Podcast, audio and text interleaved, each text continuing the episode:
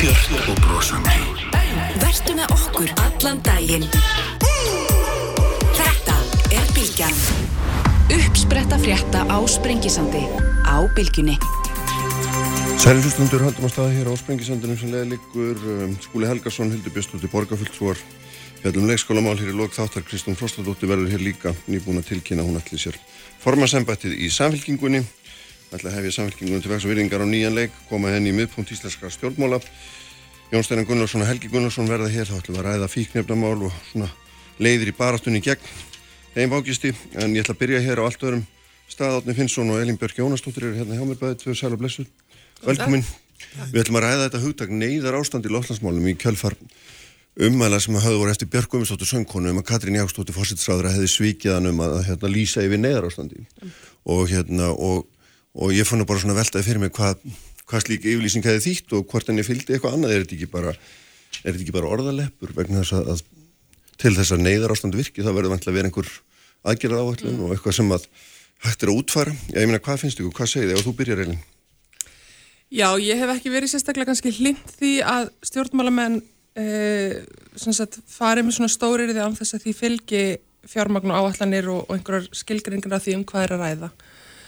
Og mér finnst í raun og veru sagt, í þessu tilfelli svolítið grænþvottur mm. hafa gengið yfir því það er ekki öðvöldlega séð að þau lönd sem að hafa líst yfir neðarstandi hafi gert eitthvað betur í loftlagsmálum og loftlags heldur en hinn.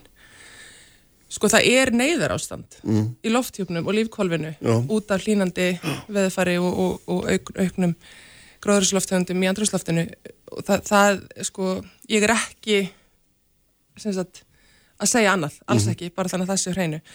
En varðandi svona stjórnsýslu blaður, ef við getum sagt svo, að þá er ekkert á bakvið þetta Uh, veðustafan til dæmis gefur út sko litakóðar veður viðvaranir þar sem erum með gullt, appisinn, gullt og raukt mm.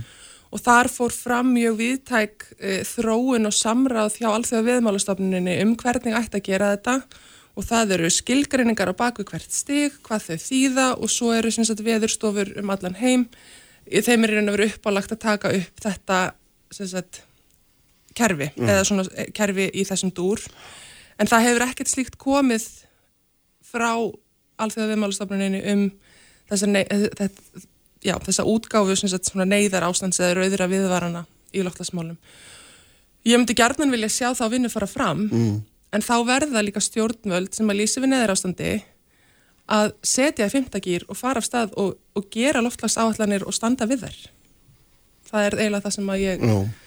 held að þurfa, þannig að ég er svona, já, mér hefur fundist þetta að vera svona ákveðin grænflottur hinga til mm -hmm og, og ég hef ekki séð að það sé einhver árangur af, af þessum uh, Og nótkunn orða eins og þessara, hvað segir þú átni? Finnst þér verið rétt að lýsa yfir neyðarástandi á þess að fara í einhverja dýbri vinnu eða, eða er það einfallega tákran aðgerð sem myndi, hvað maður að segja, sparki rassin á þeim sem þarf að sparki rassin á? Ég kannu þetta ekki þessi tæknu aðtræðsvel og elin en eins og hún segir þá er neyðarástand. Mm, og það sem að Björk vísa til var ræða Katrinar í New York september 2019 þegar að árið til saminnið þjónaböðu til liðtóra ástæðinu lostasmál og þar hefði Katrín hæglega gett líst því yfir að það er neðar ástændi eins og Björg segir. Og það þurfa að bregðast því. Það náttúrulega er líka þannig ef hún segði það mm -hmm. þá þurft hún að gera meira. Og það er það sem er vandin, það er ekki verið að gera nú. Nei. og það er ekki rétt sem Katrín segir að það sé ekki nógur með hástemdar yfirlýsingar. Þetta er ekki hástemd yfirlýsingar, þetta er bara staðrind sem við þurfum að horfast í hugum við Þannig að þú hefði korsið það að fórsettraðan í Íslandi lísti yfir neðarástandi uh, jáfnvel þó svo að svona Ég, það myndi skuldbindan ekki til einhverja sérstakra viðbröða eða hvað? Ég er ekki að segja það, ég er að hún hefði gett að sagt og lagt áherslu það að það er neðar ástand mm -hmm. og heimurinn það er ekki þurft að gilda um Ísland sérstaklega en heimurinn þarf að bregðast við. Ræðan var ekkert uh, ræðan sem hann fluttið í New York var ekkert mjög svona skarp fannst mér ekki aðgerandi Nei.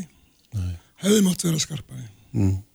og hvort vel hún hefði nefnt neðar ástand á heimisvísu hún segir reglulega um Katrín frá þess að aðeins nú að sjóttur þess að það segir hann að það ríkir neðar ástand víða sem er rétt meira neðar ástand heldur en hér, þetta sé Amazonas mikið neðar ástand en uh, kannski ekki beint hér núna en ef mann horfa á súrnum sjáar þá er það að verða neðar ástand mm -hmm. og akkur ekki segja það Já, já, já, já. Mm. Þetta er þetta spurningum svona hvernig þú setur Já, já, ef þú, þú hugsaður um neyðar ástand svo ég að horfum að spyrja þú því ef þú hugsaður um neyðar ástand út af eldgósi til dæmis í Grindavík þá myndir neyðar ástand því að það allir eru fluttir í burtu gerir það fyrir eitthvað þess að það er er það ekki nöðsynlegt að sé eitthvað svo orðin, orðin verði ekki innan tóm þannig að það sem ég er að, að velta fyrir mér sko mm -hmm. en það komu stöðskýstar frá umhverfisræður á festdægin og það er kemur fram að sko, markmiðsetning Íslands í þess að varandi losengur úr sem áttunda hún er ekki mjög skýr. Og kannski mann getur sagt að ríkir neðrastand í pólitíkinu vegna þess að stjórnmálumörnir er ekki að taka á sig alvöru. Það er neðrastand finnst mér vegna þess að ég bara horfa umræðnar á tingi þá er ekki mm. mikið verið að ræða alvöru sko, ekki mikið Nei Nei, njó, það sama gerist auðvitað í voru í borgarstöndukostningunum og það reyndist alveg gríðilega erfitt að koma loftasmálum á, á uh, blað mm. í þeim aðdraðanda og það, mm. það var bara ekkert rætt, mm. hvorki í Reykjavíkni annar staðar. Þannig að ég er alveg sammála árna hvað þetta varðar að sko stjórnmálamenn eru ekki gera nóg og það er ekki bundið við Ísland. Uh, sko við erum í þokkalegri málum heldurinu mjög víða annar staðar, má segja Uh, en það sem að, svo við förum aftur á orðuræðinni, sko, það hérna, það er svona, við erum einhvern veginn alltaf að fara í áttina að því að við erum einhvern svona gífur yrði til þess að reyna að ná aðtegli þeirra sem eitthvað geta gert. Mm -hmm. Og við fórum úr því að, þetta fór úr því að vera sko, hérna, nattrannar breytingar yfir í hamfara hlínun, sem er, er síðan ekki í raun og veru alveg lýsandi vegna þess að það er ekki bara hlínuninn sem veldur hamförum, það er ýmslegt annað. Og ég er náttúrulega vísindamadur í þessu samingi þannig að ég er svolítið teknokratisk þegar kemur að því hvernig við tölum við mynda mm. þannig að ég er kannski ekki hérna, besta konun til þess að tala um endilega hvernig við náum til almennings. En þó það sem ég hef allavega upplifað almennt er að veist almenningur skilur meir en við gefum þeim oft sko kredit fyrir. Mm -hmm og, og það er miklu betra að útskýra og sína fram á og, og, hérna, og fá fólki lið með sér heldur en að hræða það. Þannig að ég er ekki vissum að svona uh, þessi taktík að, að einhvern veginn bæta alltaf við og við og við sko, að, að það sé eitthvað betra. En hins vegar sjáum við það, það sést ekki mikið af loftlagsbreytingum á Íslandi svona fyrir almenning að sjá. Nei, nei, uh, ekki svona frá deyti dags ekki frá deyti dags, eins og gerist til dæmis í, í hérna Breitlandi það, ég man nú hundur heita af að Breitar hafi ekki aðeins tekið sönsum núna eftir sumarið í sumar til dæmis, það eru sultarsteinar sem að standa upp úr rín, hún hefur ekki verið læri síðan í, í hérna fyrir 400 árum og, og þá var sko bara neðrastand og, og hérna og hungursneið sem ríkti það eru ári í, í hérna Fraklandi sem eru með 2000 ára sko, skrifaða sögu og þær hafa aldrei verið svona lágar. Og í kjálfar þurka koma oft flóð sem eru alveg ræðileg þannig að sko nú eru við farin að sjá mjög, mjög vonda hluti. Og, og þar ríkir neður ástand og þar eru rauðar viðvarnir út af þurkum og það væri mjög vond að við værim búin að nota þessi tól mm.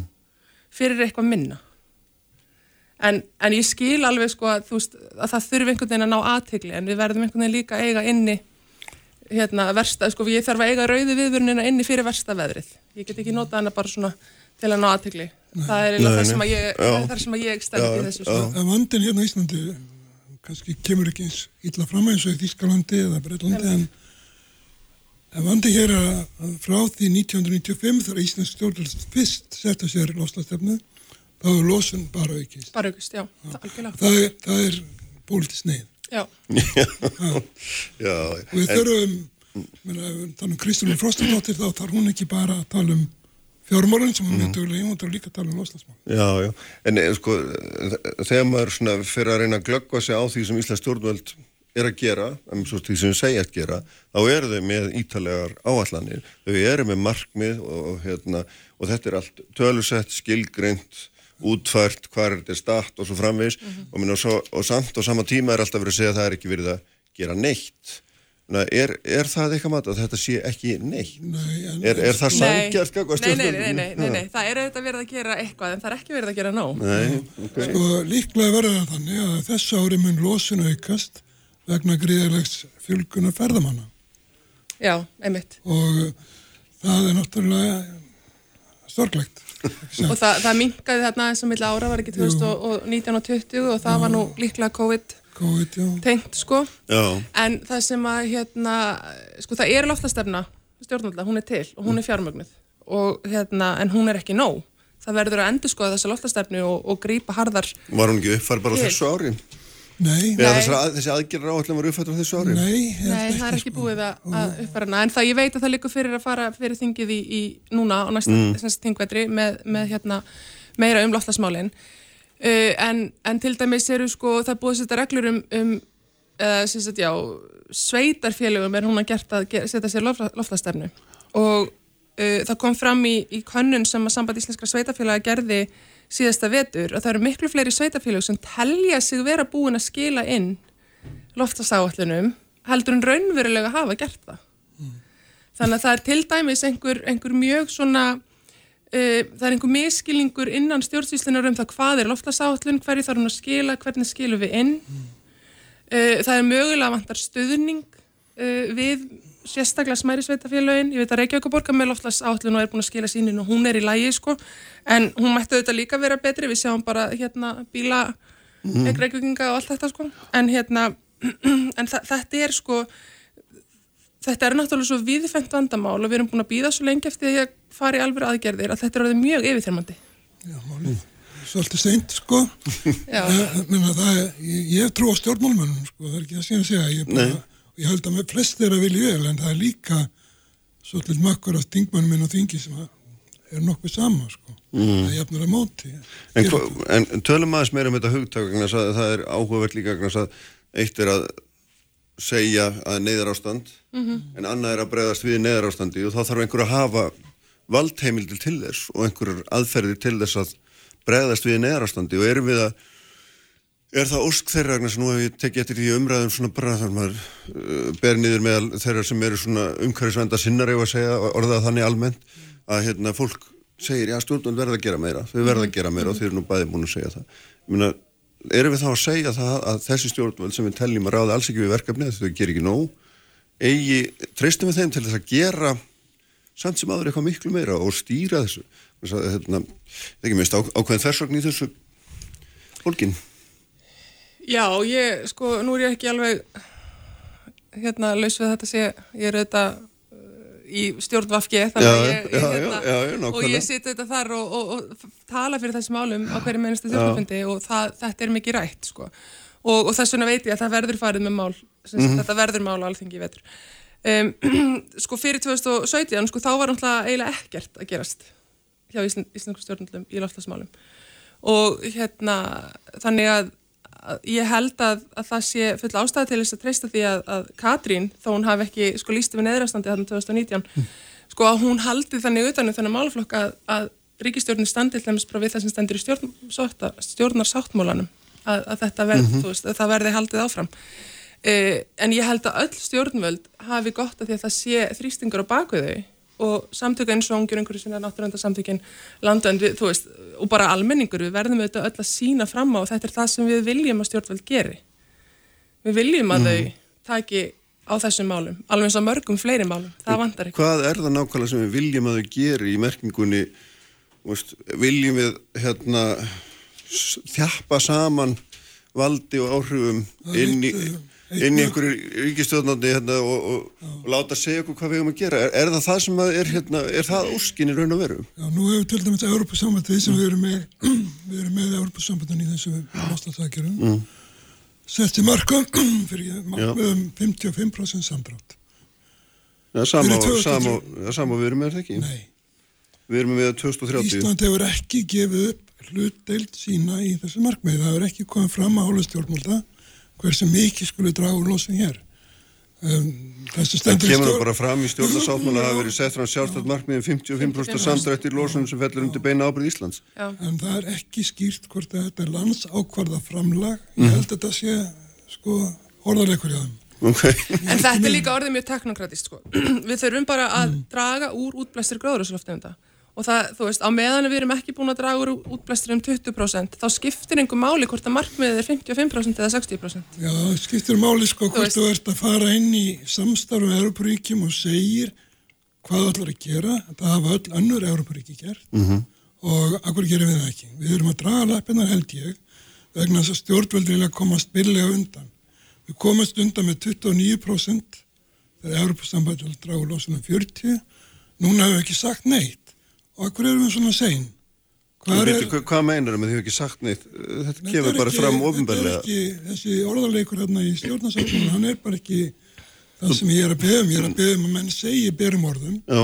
hver hlutdelt Íslandsverður er 55% markmiði, stendur eitthvað um örpussambæti Ekki það sem ég er með allavega hér nei. nei, nei, en sko þetta er líka orðið sko þetta er líka orðið svo flókið og það er ekki nokkur leið fyrir almenning og ég held ekki fyrir stjórnmálumenn sem ekki sökva sér ofan í þetta mm -hmm.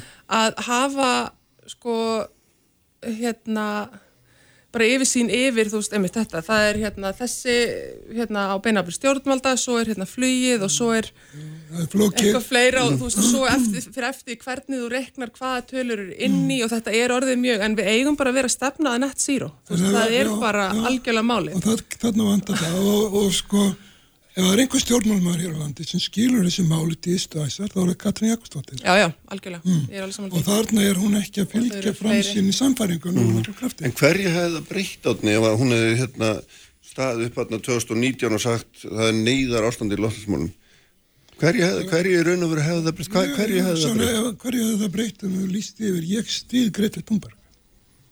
Hún hefði getið sagt það. Já. og hérna var Greta Thunberg og var fyrir ára sem áluð Trumps okkur kom ekki Katrín og sagði að ég stið Greta Thunberg. En þetta er líka kannski mm. orðið samt svona eitthvað personulegt, eitthvað personur og leikandur í einhverju máli sem ættir raun að vera að vera aðskilið. Sko það að Katrín eða einhver annar hérna, stiði Greta Thunberg sem hefur alveg lift, náttúrulega alveg ótrúlega greittstæki í þessu, svona þessari almennings hérna þekkingu á málaflokknum, sko þetta ánáttlega geta snúast um það. Málaflokkurinn mm ráðstefnan, þessar ræður, þetta á alltaf snúast um það hvernig björgu við því sem björga verður. Mm. Við erum komin út í algjörst óefni -hmm. og á meðan við sko eigðum alltaf miklum tíma í sko þrætur um hlutaprósendur í staðin fyrir bara að setjast niður og finna út hvað getur við gert, hvað er það sem við þurfum að gera, hvað aðgerið þurfum að fara í.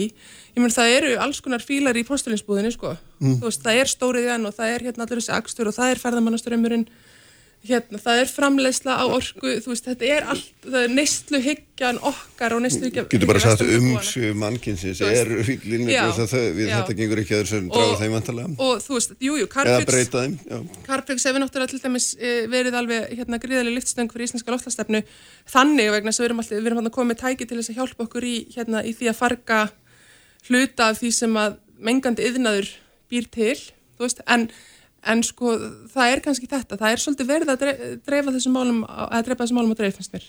Það er ekki ekki svo, nei, nei, nei, en bara svona þetta er orðið svo mikið ég, ég, ég bara segja sko en það er alltum líkjandi um eitthvað annað en, en það, það er alveg óhætt að gera mikla væntinga til Katrín já.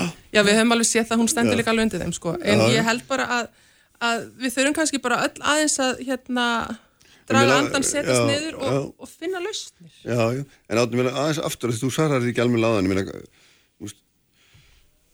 hvers konar valdheimildir þarf ríkistjórn að hafa til þess að lýsa yfir neyð og, og síðan grípa til aðgjara sem að væri á þínu mati fullnægandi. Þetta er hljótt að vera mjög víðtakar heimildir sem þú ert þá að, að, að hérna, tala fyrir. Ég sagði nú ekki að ég vildi að líst þér í neðar ástandi með einhverjum sko hörnælum aðgerðum sko Nei, nei, nei en ég menna eitthvað eitthva verður að fylgja þessu sko, orðalagi, er það ekki? Að, og ég kann ekki þessu lögfræði kringum þetta en ég nei. held að það sé sjálfsagt mál að lýsa því yfir að málin eru það halvalega við verðum að grípa til vísnarótt ekkert aðgerða. Það er þannig að ekki verið gert fyrir árið ár það er ennþá mikill meiruliti bíla sem eru leiðið til turista mm. sem eru bensín og dísil og oft eru þeir að störri gerðinni vegna þess mm -hmm. að túrista vilja leia allavega jæfling og svo fer þetta aftur út í uh, almennamarkað og heldur háu losunastígi í vegasangingu. Þarna hefur ekki verið greipið til aðgerð á, Þannig að svo ég skiljið þetta, þá myndir þú vilja stjórnum settust ofan á þetta. Svo dæmis ég tekið. Já, sko, Já. hvort heldur þú lýsir við neðrastand ekki, þá náttúrulega líka fyrir að það er neðrastand. Já, en ég spyrði, bara, ættu það, þar sem ég reyna að skilja er, hvað þetta þýðir konkrétt, sko. Hvers konar aðgerir, hvað ætlum að ganga langt í að, að stjórnmjöld hafi vit fyrir fólki á fyrirtækinu? Sko, við ætlum ekki gera það, við viljum ekki hafa vit fyrir fólki, við viljum að stjórnmjöld Já, eins og Greta Thunberg segir, mm -hmm. svo við vitnum við það. Stjórnmálamenn eru ekki að fara þeim vísundum sem þeir segjast viðökjana. Já, já, einmitt. Það er kannski neðarafstandi. En til dæmis bara hér, hér á landi, þá geta þetta stjórnvöld eh, sko, flýtt öllum þessum dagsendingunum hvenar á að hætta að flytja inn bensín og díselbíla og mm -hmm. nota hérna, aðra orkugjafa. Uh, það þarf að byggja upp innviði fyrir aðra orkugjafa en rammagn og þetta þarf að halda áfram að byggja upp innviði fyrir rammagn. Þessu er öllu hægt að flýta þannig að þetta verði bara sko hérna meiri möguleiki fyrir hinn almenna borgara að verða sér út um bíl sem að kostar ekki svona mikið að reka, að þetta er mhm. allt kemur til alls, það bara kostar miklu meira að reka díselbíl heldur en rafmagsbíl og ef þú fengir það á sambærilegu verði að þá er þetta ekki spurning og þá þannig sko mm -hmm. breytu við í bílaflótanum það þarf að leggja miklu meira á og ætlast til miklu meira af stóriðinni og öllum bara inn- og útflutningsfyrirtækjum það þarf að taka á öllum þessum grænþótti sem er út um allt segjast allir vera svo umhverfisvænir og loftlasvænir en það er ekkert að bakviða nema bara í einstaka tilfellum og maður mm. þarf að kafa rosalega djúft sem neytandi til þess að reyna að finna út úr því sjálfur og ég held að, að sko, það sé alveg hægt að fara bara í harðari aðgerðir í þessu. Mm -hmm. Ég er ekki að tala um að það sé bara hér einhver sem að rýfur einhvern út úr engabílinum og hendur hann um inn í borgarlínu sko þrátt fyrir að hérna, mér hafi nátt verið gert upp þær, þær hugmyndir, gerður upp þær hugmyndir. Þannig að það er alveg hægt að gera, þú veist, það er hægt að leggja meira á yðnaðinn sérstaklega og þannig að svona business sem að er í raun og veru bara kapitalískur í eðli sínu er að hagnast á því að við hérna tökum kannski auðvöldulegðina frekar en að taka þá sem er hagkamist fyrir umhverju til ástæðan. Mm -hmm, mm -hmm. Við erum að fara hérna loka þessu, Alni, þú sæst að trú á stjórnmálamönnum en samt segir í einu orðinu að þeir sé ekki að gera nándanari nóg. Ég, ég, sko, ég held að stjórnmáluminn vilji vel meira að minna. Já, já, já. Það er það síðan að segja. En eins og er þá getur um fattast eins og öllum öðrum. Ég, ég held að mérna, ég var bara að lesa í gæra og gömul fréttum ráðstefnum sem lofslagsráðstóð fyrir. Það sem að eitt fyrirlisturinn gekk út það sko að fyrirlisturinn sagði 25% af, af þeim tryggingagreynslun sem hafa vorið verna viður atbyrða eru lofslagsteindir mm -hmm. það eru sko 100 miljardar og það er neður ástand og bara svo komið því að já, meiri peningar í grunnrannsóknir vegna þess hvað, hvað áhrif hefur að hafa lofslagsbyrningar á innviðina, það væri líka mjög vel degi þá vissum við að hverju vættum að stefna. Nákvæmlega, heyrðum, takk fyrir þetta. Við hérna höldum þessi áfram, áfram þessar umræði á nokkur svo ég ætla að fara hér yfir allt annan, allt annan heim, sjálf undir heimana hérna eftir Jón Steinar Gullarsson og Helgi Gullarsson verða hérna hjá mér. Kraftmikil umræða alla sunnudaga. Sprengisandur á bylgjunni. Sprengisandur alla sunnudaga á bylgjunni. Sprengisandur á bylgjunni alla sunnudagsmórna Sænlega afturstundur, uh, Elin Björk Jónastóttir og Adni Finnsson, þannig frá mér. Þau verða hérna í lokþáttar Skúli Helgarsson og Hildur Björnstóttir borgarfulltrúar ræðum þá leikskólamál uh, ég ætla að tala við Kristúnur Frostadóttur hér á eftir líka sem er nýbúin að tilkynna hún allir sér formönsku í samfélkingunni en ég ætla að fara hér á allt annan stað með góðum gestur núna Jón Steinar Gunnlaugsson hæstaréttalögamaður og Helgi Gunnlaugsson þó ekki bróði Jóns professor í afbröndafræði hérna og þetta er nú ekkit gaman mál sem við ætlum að ræða þannig að nú kannski óvalett að vera að byrja á einhverju gríni en sko við ætlum að ræða ræða, ég veit ekki hvað að kalla um, fíknefnaheimin svona einhvern veginn orðað þannig hérna sko í síðustu viku voru gerð upptæk einhver hundrað kíló á kokain og hefur nú aldrei annað en sérst hérna eftir sem ég skilst, ég er nú ekki sérfræðingur í þessum málum reyndar en, en og, og það, það komið tvær frétti sem ég aðstu áhugaverðar eftir, það var annars vegar rætt við Götusala í morgunblæðinu sem sagði að þetta skipti engu máli, það var, þetta breytti engu það kæm alltaf nóg hvort þið er. Og, og ég var rættur lauruglumann sem sagði að þetta skipti heldur engum máli verð og, og frambúðan að þetta breytti engu. Og það leiti hugana þér Jónus og þú hefur svo oft talað um það verðum að gjörbreyta stefnunni, refsistefnan hún virkar ekki, neyslan bara ekst og ekst glæpinin, glæpinu fjölgar og fjölgar. Og þarna og það sé bara rétt að veita fólki meiri ábyrðu einn lífi og, og nálgast þetta eitthvað með þannig. Ef við byrja þar Já, við getum gert það. Að vísa allir að skjóta inn já. á undan að það var líka að tala við Helga Gunnlaugsson. Já, reyndar rétt, já. Mér, já sem að taldi að þetta kynna að vera skamtar sem hefðu haft bara millilendingu hér á landi ef, ef Já, já, þetta má það vera. Já, já, já Já, ég er lengi búin að halda því fram að við erum algjörlega á rangri braut í þessum málum. Og það er nú kannski einfaldasta sönnun þess svo að það dregur aldrei neitt úr þessum eh, neyslu þessar efna. Hún bara vex og vex, ekki bara hér á landi, heldur líka í öðrum löndum. Og það ég hef nú nefnt það að í bandaríkjunum talaður um war on drugs, stríðið gegn fíknefnum og hver allir sé nú árangurinn af því stríði, það vex og vex neyslan. Og það kaltæðnislega í þessu er það að við erum með annað fíknefni sem við notum eiginlega öll. Og allir eru, já, hvað sáttur við að nota? Samt fara margir sér að voða við neyslu þess geta jáfnvel látið lífið vegna þess að þurfa allavega að fara þá í læknismennfyr og ég segi hættið við þjóðina hættið þessu. Mm -hmm meðhandli þetta bara eins og vera ber eftir þeim grunn sjónamiðan sem við viljum að gildi okkar samfélagi sem eru þau að einstaklingarnir ákveða sjálfur gjörður sínar og taka ábyrð á þeim. Og ef einhverju fara sér að voða þá reynum við að hjálpa þeim þá bjóðum við þeim læknishjálp eins og þetta eh, auðvitað kallar á eins og mm. alveg eins og áfengisnislan kallar á læknishjálp. Og við viljum hjálpa þeim sem fara sér að voða eh, vegna þessara neslu mm -hmm. við verðumst ekki sjá við erum með allt annað kerfi. Við, ég held að Hámas refsing fyrir fíknefnabrót sér 12 ár. Það vantar nokkur ár upp á eh, refsinguna sem er dæmt fyrir manndráp.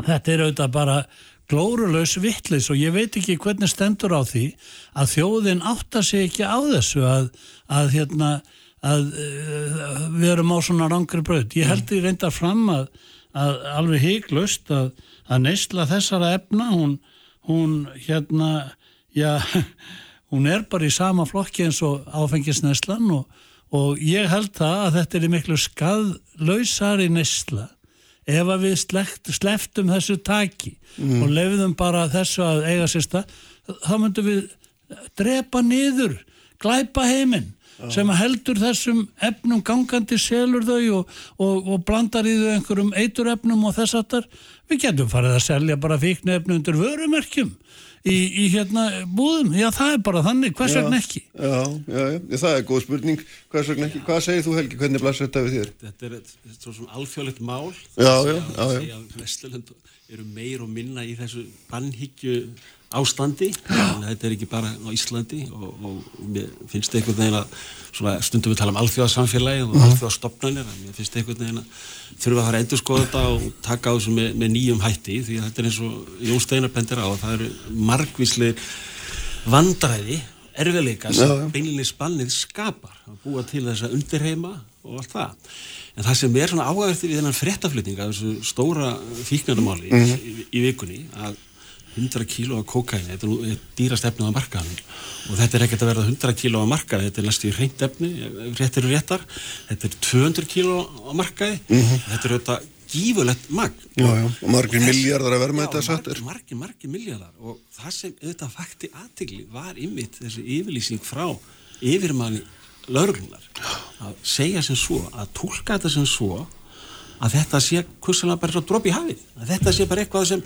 myndur bara hverfa á markanum og þarna finnst mér einhvern veginn yfir maður lögjastlunar að vera reynulega að kasta hanglaðinu þar að þetta er eiginlega bara eins og uppgjöf sko mm -hmm. því sé bara í einhverju klepsinu sko þegar þetta blasir þannig við að það sé vera að haldleika kannski svona 20 sinnum meira en þeir hafa nokkuð tíma áður í sögunni haldlag mm. þannig að mann finnst eitthvað að þetta hljótun hafa einhver áhrif á markaðin mm. en, en hann samt einhvern veginn Hvað, hva, ef, ef, ef það er rétt mat hjá honum, svo segja það bara helmingi til. Hvaða heim er þá eða verið að lýsa það? Bara verið að lýsa heimi sem Jón er að lýsa sem er bara þetta, þetta kom óvart. glóruleg sko. þetta, þetta, þetta er alveg nýtt, lögjastlega aðeinar hafa aldrei talað með þessu mæti Nei. þeir hafa alltaf talið að þeir væru ymmit að vika frambóði, dragur frambóðinu mm. og þannig einhverju leiti hafa áhrif á þessu eftirspurn og hemmjana með einhverjum hætti með því að draga úr þessu frambóði en þegar þeir sjálfur koma fram og segja að þessi rísastóra hallækning mm.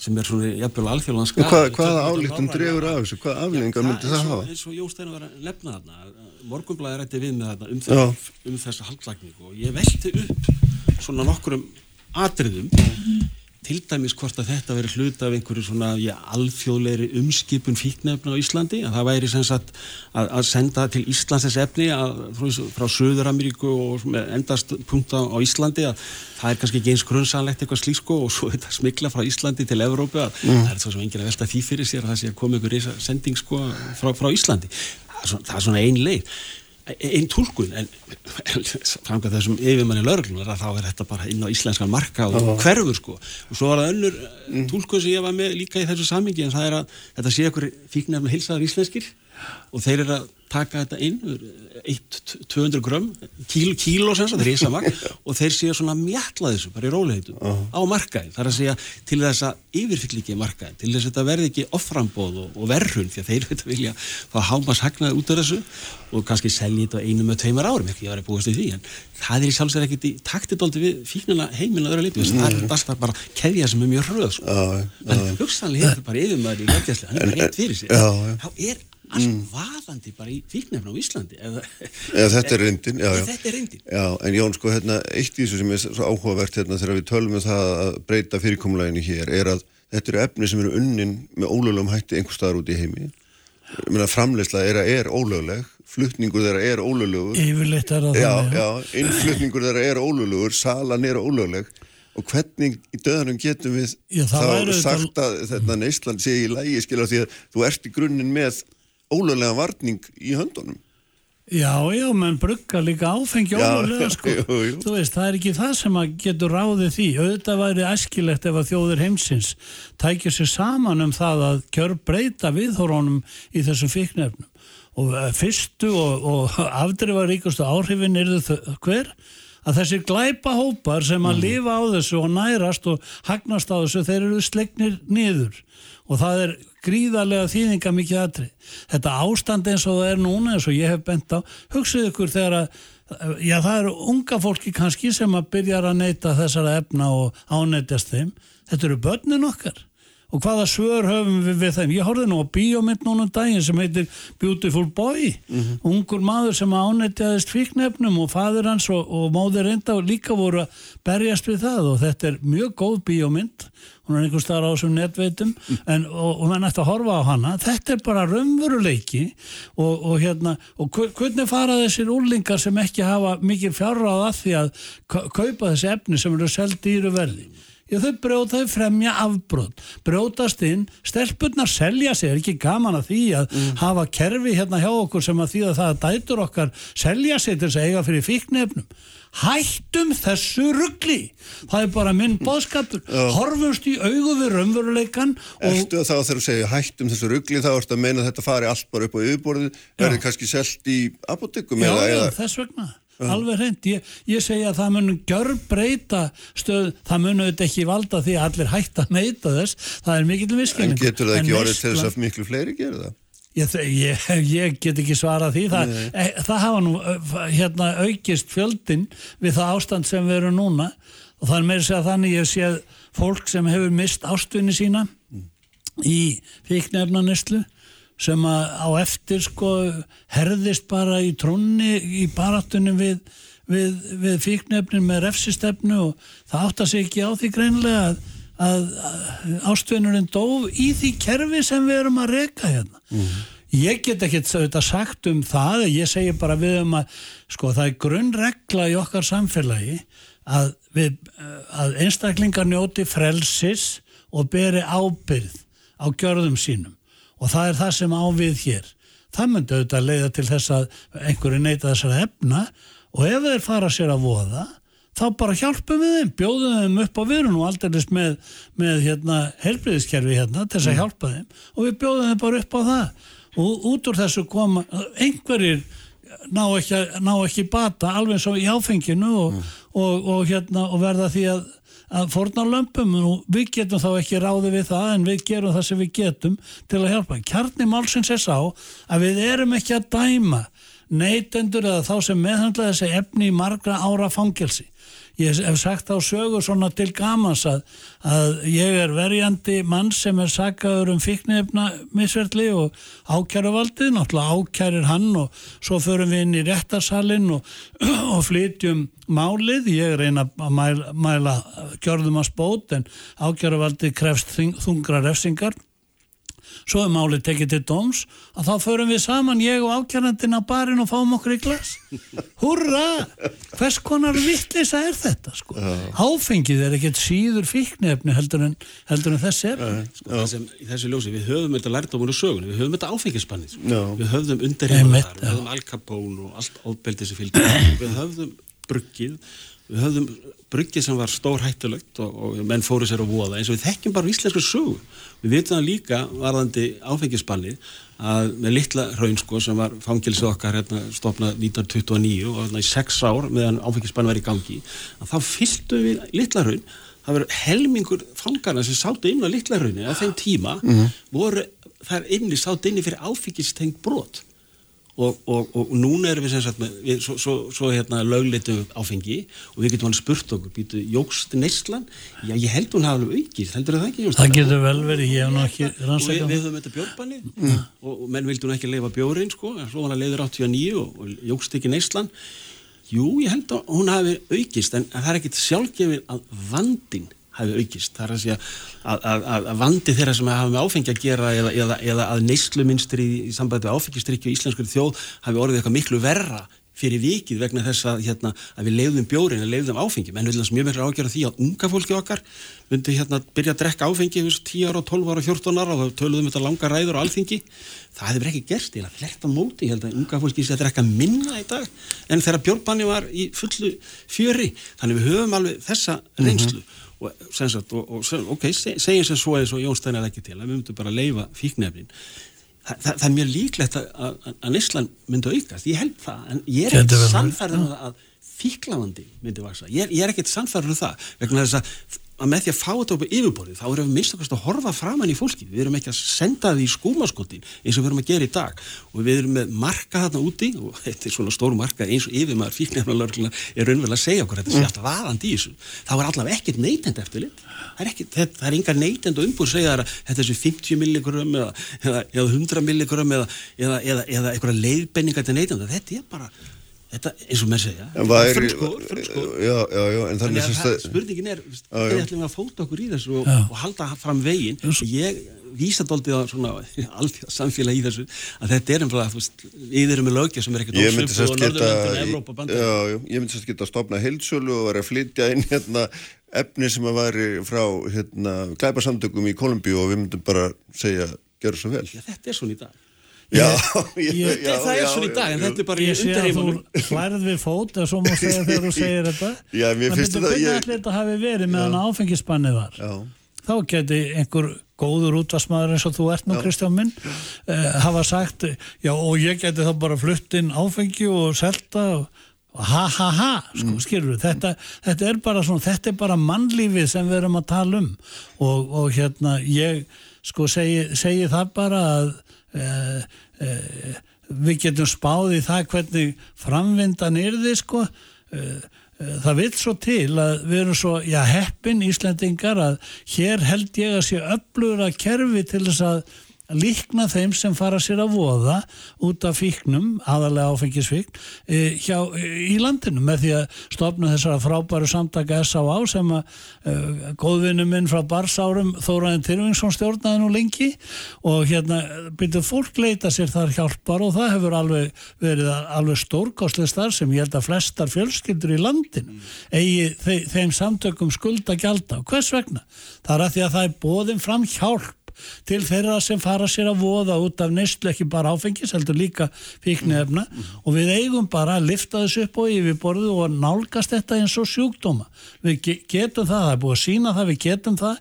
Og við myndum svift eins og ég hef sagt við myndum opna þennan neðajarðar heim og þetta verði vestahöggið sem glæbamennir myndu fá þeir mm. sem að selja þessi efni neðajarðar og, og hérna helst til badna og skólalóðum og guðum að vita hvað sem er alveg hræðilegt. En bara að þú varst að gera grína með fyrir að glotta þessu munurinn á þessum útdagsmanni sem þú varst að lýsa mér er náttúrulega hann var, hefði flutt inn vín frá löglegum framleiðanda einhver staðar, en það getur maður ekki gert í fíkningum, það, það er grundallar munur, ekki satt Já, það er ákveðin munur á því, við þurfum þess að vinna því að fá fleiri þjóður með mm. okkur í lið mm. En það skiptir ekki máli sko varðandi lögmæti neistlunar hér á landi hvort hún sé framleitt löglega eða ólöglega í útlöndum. Hvaða máli skiptir það? Við erum bara ákveða hér innanlands hvað, hvaða neistla er lefið hér. Og, og hérna nú það er hægt að hafa þetta eftirlit með gæðum ef að gæðum en að gæsalappa þessara fíknu efna sko ef maður vilja það. Nú gert á mörgum sviðum neistluvurunar þannig að það er alveg hægt að það, þetta breytir í sjálfu sér engu þó að við náttúrulega verðum bóðbera nýra sanninda í umheiminum. Auðvitað við, viljum við það ekki líka en, en já, já, þetta er hérna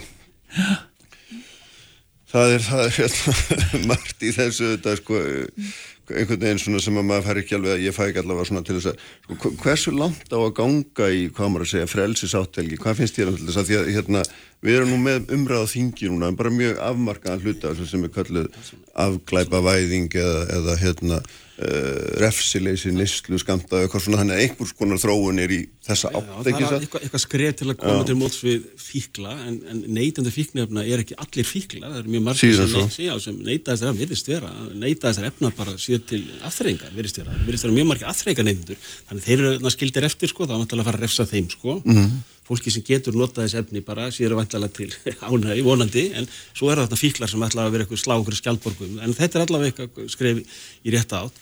En menn einhvern veginn þegar við talum um þetta sko að fara löglega, þá einhvern veginn eru mjög margir sem haldi einhvern veginn að þá verður þetta bara einhvern veginn svona stjórnlust frelsi eða kaotist sko. Mm það, það er þetta regluða þetta með ýmsum hætti og við sjáum til dæmis eins og í bandarækjum það er verið að löglega kannabisefn, það er margir sem vita það 20-30 ríki þar sem eru búin að löglega þetta. Þeir gera það öll með misspunandi hætti. Þeir eru sömur með mjög stíf skilir sko, þetta er svona, eins og í Kanada til dæmis og það er þetta bara í apotekum og mjög þröngt. Í Úrugvæ líka þetta verið mjög þröngt og það er þetta bundið við svona einhverja meðlima klubba, klubba sko, það ertu bara meðlimir í klubbi og, mm -hmm. og færi þessi efni bara svo, með tilteknum hætti. Löglega sem sagt en það sem er gerst líka við í bandarækjunum eins og mennar gerðum í það, sem er gangar mjög lágt og þetta er bara markað eins og í Colorado er, þetta er mjög, mjög frálst það eða þannig, en það sem er gerst þar er, er að það er til hlýðar er, er svartamarkaður sko. það eru margir sem er ás í þessum heimi sko, sem vilja bara vera frjálsir, sjálfstæðir. Við erum ekkert með eitthvað stimpil frá ríkinu sko eða, eða borga vask eða, eða við erum með, með klósett svölustæðin með eitthvað alls konar svona skilir sem verið sett sko við löguleðinguna því það er hægt að setja í mig svona þetta er lögulegt en þá verður það að fylgja okkur um skrefum. Og þessi skilir og þessi skref eru mjög mismunandi frá einu ríki til annars og það sem kannski skilirinn eru mjög stífust eins og til dæmis í Kanada að það er bara svartur markað við hlýðina sko, og, og, og, og sömstaðar í bandaræðin líka það er að segja þar sem er, menn bara selja þessi efni þá bara, þú veist bara heima frá sér hvernig þetta í tínu er hátta og svo er hægt, hægt að nálgast þetta líka með lögulegum hætti sko. Það sem er löguleg áfengis alltaf einbyggir stundum með því eitthvað svona leinibrugg en þetta er nú farið núna sko því það er svo áfengið og leiðin en það er eitt í þessu sko mm. einn nálgun í þessu ef ég má nota það orðalag sem að er að mínum að þetta í grundvallaratriðum röng hvað er samfélagi sem við búum í Er þetta ekki samfélagi einstaklinga sem búa saman á okkunnu landsvæðu og hafa reglur þar? Býta, okkur erum við alltaf að setja reglur til þess að venda einstaklingana fyrir sjálfum sér? Eiga þeir ekki bara að sjá um það sjálfur er það ekki grunn hugsun í okkar, okkar kerfi, réttarkerfi og þjóðfélagskerfi? Auðvitað er það það, þú á að vera það. Og, og hérna við eigum ekki alltaf að rúka upp til handa fóta og, og setja einhverja reglur sem að ganga í raun og vera ekki út á neitt annað heldur en að venda menn fyrir sjálfum sér og taka af þeim ábyrðin á því að, sem þeir eru að gera og mm. eiga að bera ábyrð á. Þetta er grundvallar hugsun í þessu. Okkur veitist öllum svo auðvelt að bara setja reglu, við þurfum að venda börnin okkar er sagt og það er gert með því að, að refsa þeim þá, banna þeim og refsa þeim ef þau brjóta af sér. Þetta er ekki leiðin, þetta, þetta er líki andstöðu við þau grundvallar, þetta er einhvers konar sósialismi anskotans sem við rekum í þessu með því að... En í þessu samingi sem við erum að tala um þá erum við náttúrulega að tala um að venda menn, menn fólk, venda fólk fyrir sjúkdómi, fíkn sem það ræður ekki við, það er svolítið öðruvísi heldur en bara svona almennt aðtæfi sko að því að þú, þú kemst í eitthvað ástand sem að þú, þú stýrir ekki sjálfur sko. Já, það er á mörgum sviðum þannig. Ég meina, taka, það er nú svo heppilegt í þessu samhengi að tala bara um áfengið. Mm. Eins og það er alveg fjöldi mýgrútur af fólki sem hefur lendt í erfileikum. Ég fór nú sjálfur í áfengismefður fyrir 43 árum síðan og, og kynntist þar þeirri starfsemi sem þar fer fram. Býtu, hvað áfengi veldur skada? Það er enginn vafi á því og menn verða veikir mm. af því en byrju, akkur er bönnum við ekki áfengisneslu? Akkur er áfengið eitthvað betra fíknefni heldur en önnu fíknefni? Er það kannski að því að við fína fólki notum áfengi en ekki fíknefni? Við sem ráðum sko, hérna mm. yfirstjettin og allt það. Þetta er ógæðfælt og þetta á ekkit að vera svona. Við höfum bara reka hér frjálst samfélag þar sem menn ber ábyrð á sjálfum sér svo veitum við þeim læknishjálp og umvannun sem á því þurfa að halda. Þetta er nú hinn einfalda leið í þessu hættum að dæma menn í fangelsi fyrir að hafa með höndum eða neyta þessar efna. Sko, þetta, er, þetta, þetta, er, þetta er alveg, alveg, alveg punktar í þessu sko en, en, en, en það sem við höfum að hafa í huga líka eins og með áfengi að jú það er löglegt en það fylgjaði margvísli skilinni. Veist, við, það er ekki 20 ára aldursmarki, held að það sé til dæmis það. Það er, það er, það er, það er, það er ríkisvestlandi sko, þetta er ekki, þú veist, selt í, í kjörubúðum, þú veist, það er, barinn er í að loka klokkan 12 eða, eða 3. Þetta er selt á öllum výmveitikahúsum sko, út um allan bæ. Já, þetta er selt mjög víða sko, alltaf, en það er einhver skilir sko, þannig að Þannig að það er einhver rammi utan auðvitað. Já, það er einhver rammi sko og sambandi við fíknirinu þegar maður sé að löglega það, ertu þá bara að hleypa þessu bara einhvern veginn bara stjórnlis út í sæli. Þetta myndi það ekki vera þannig, það er því vantalega einhver skilir því. Sko. Við þurfum að byrja á að samþykja prinsipið í þessu. Svo getum við búið til einhverja reglur eins og gert hefur verið um áfengið og við frelsismennir, við önum því sko, þú veist að svona leifir þessa neyslu, það tekur hver ábyrða henni sjálfur og allt það. Það getur við þurft að gera með þessi fíknefni ja, minnst að kosti fyrst í stað og, og allt í lagi með það við hefum bara að gera, en við skulum byrja á því að samþykja grundvallar hugmyndina hættum þessari forsjárhyggju og þessum bóðum mm. og bönnum og þessum glæpa og Er þetta fyrst og næst hugmyndafræðilega afstæði eða er hún byggð á praktiskum Hún er bæði hugmyndafræðilega og hún er líka ég er nú skrifað greinar um þetta það er líka, ég færi ítalega rauk fyrir því, við myndum kýla niður þessa glæpaveröld sem að hér uh, lifur og þróast á þessu. Kona mín notar oft uh, hérna það orðalagum þegar við heyrum fréttir í, í útvarpiða fjölmjölum af glæpaverkum þá segir hún í bóði bansins, í bóði fíknefna bansins mm -hmm. það er algjörlega rétt Þetta, það, er að, það er allt fullt af glæpum frammi hérna sem eru bara framdir til þess að viðhalda þessu eða í ljósi þessum heimi fíknefnana sem að, að hugsa ykkur það þegar að börnin okkar þurfa, eru ánættast þessu og þurfa þá að fara inn í myrkrið einhver staðar og finna einhverja sölum en döðans eins og þeir eru nú kallaði réttilega sjálfsagt sko, til þess að kaupa þetta. Með því að afla sér fjár á þann hátt sem ég var að segja á það. Mm. þetta, er, þetta er ekki bara mönnum bjóðandi svona afstæða sko. við getum búið til einhverja reglur ef maður vilja í kringu þetta til þess að, til þess að svona friðþægja þeim sem að vest líður út af þessu sko, allt í lagi. Við, skulum bara gera það til að byrja með viðstöðusti Já. Þú ert á miklu vandrað með að samþykja það sem við segjum. Helgi en nú reyndar á mikið má ég leifa mér að hósa þér Helgi fyrir mjög gott innlegg í umræður um þetta finnst mér. Bæði málefnaleg og, og, og hérna og fræðileg og, og allt og hérna ég er mjög ánaður alltaf, ég er alltaf gladur því ég les eitthvað eftir því ég blöða og hana nú, þú situr uppi með það. Situr uppi með það, það gæði Nei, nei, ég er bara, ég er bara hugsi það er ekki, já, já, er ekki að samþykja að sinja neinu það er hérna, hugsi, það, það er hérna nöðsynlegt og hérna ég heldur komst ekki alveg lengri bíli en þetta er hérna forunilegt og eins og við höfum svona eins og upp að þessar umræði var þá, þá náttúrulega er alveg ljóst að það hérna það gildi, það breyti litlu hvað gert er þetta er einhvern veginn svona skrimsli sem bara vex og vex það er nú að vísu þannig að, að við þór manna hafa breyst mm. sko, og það er miklu miklu meiri skilningur í dag á þessum viðþórum sem ég er nú að bóða heldur en var fyrst þegar að ég byrjaði að tala um þetta ég byrjaði nú að tala um þetta að frungvæði svona minna tvekja sem mm. voru með þennan málstað og, og hérna annar er án og svon sem heitir Helgi Gunnlaugsson. Og hérna og, og ég byrjaði þá að, að tala um þetta það eru 20-30 ár síðan sko skilur en það hefur breyst mikið. Við þá, það eru æfleiri að sjá það að við erum ekki á réttir leiði þessa málur Ég man ég skrifaði sko grein í mokkan svona upp úr 90 sko og það litu allir á mig bara undan, ég var eitthvað skrítil sko. Það er þessum andans þess að? Já, þú er ekkert ósið bara að tala um að það er að segja þessi fíknarnavandi og þessi skúmaskot og, og þessi skömm og, og þessi að vera búa til þess að undirheima og þessi, þessi, þessi harmur sem er í fíknarnavandi. Og ég fjallaði um þetta og, og ég var að segja að um, það þýrt að fara fram með endur sko og breyta þessu, menn einhvern veginn svona þetta einhvern veginn angalegt að vera að setja þetta fram með þeim hætti sem ég gerði þess að grein sko, ég flettist að grein upp sko, þetta var rétt um búin 90 sko, en, en, en þessi grein í dag, það myndi einhver þykja hún eitt sérstök, sko, þannig sé sko. Þetta er bara góð þingmenn þetta að vera að tala um sko, ja. þvist, út af afklæfuna frúðarpunni sko. Herðum, takk ykkur fyrir báðu tveir. Takk, takk. Og hérna, ég ætla að tala um Kristján Frostadóttur eftir ögnublik Sprengisandur, alla sunnudaga á bylgjunni. Sprengisandur, alla sunnudaga á bylgjunni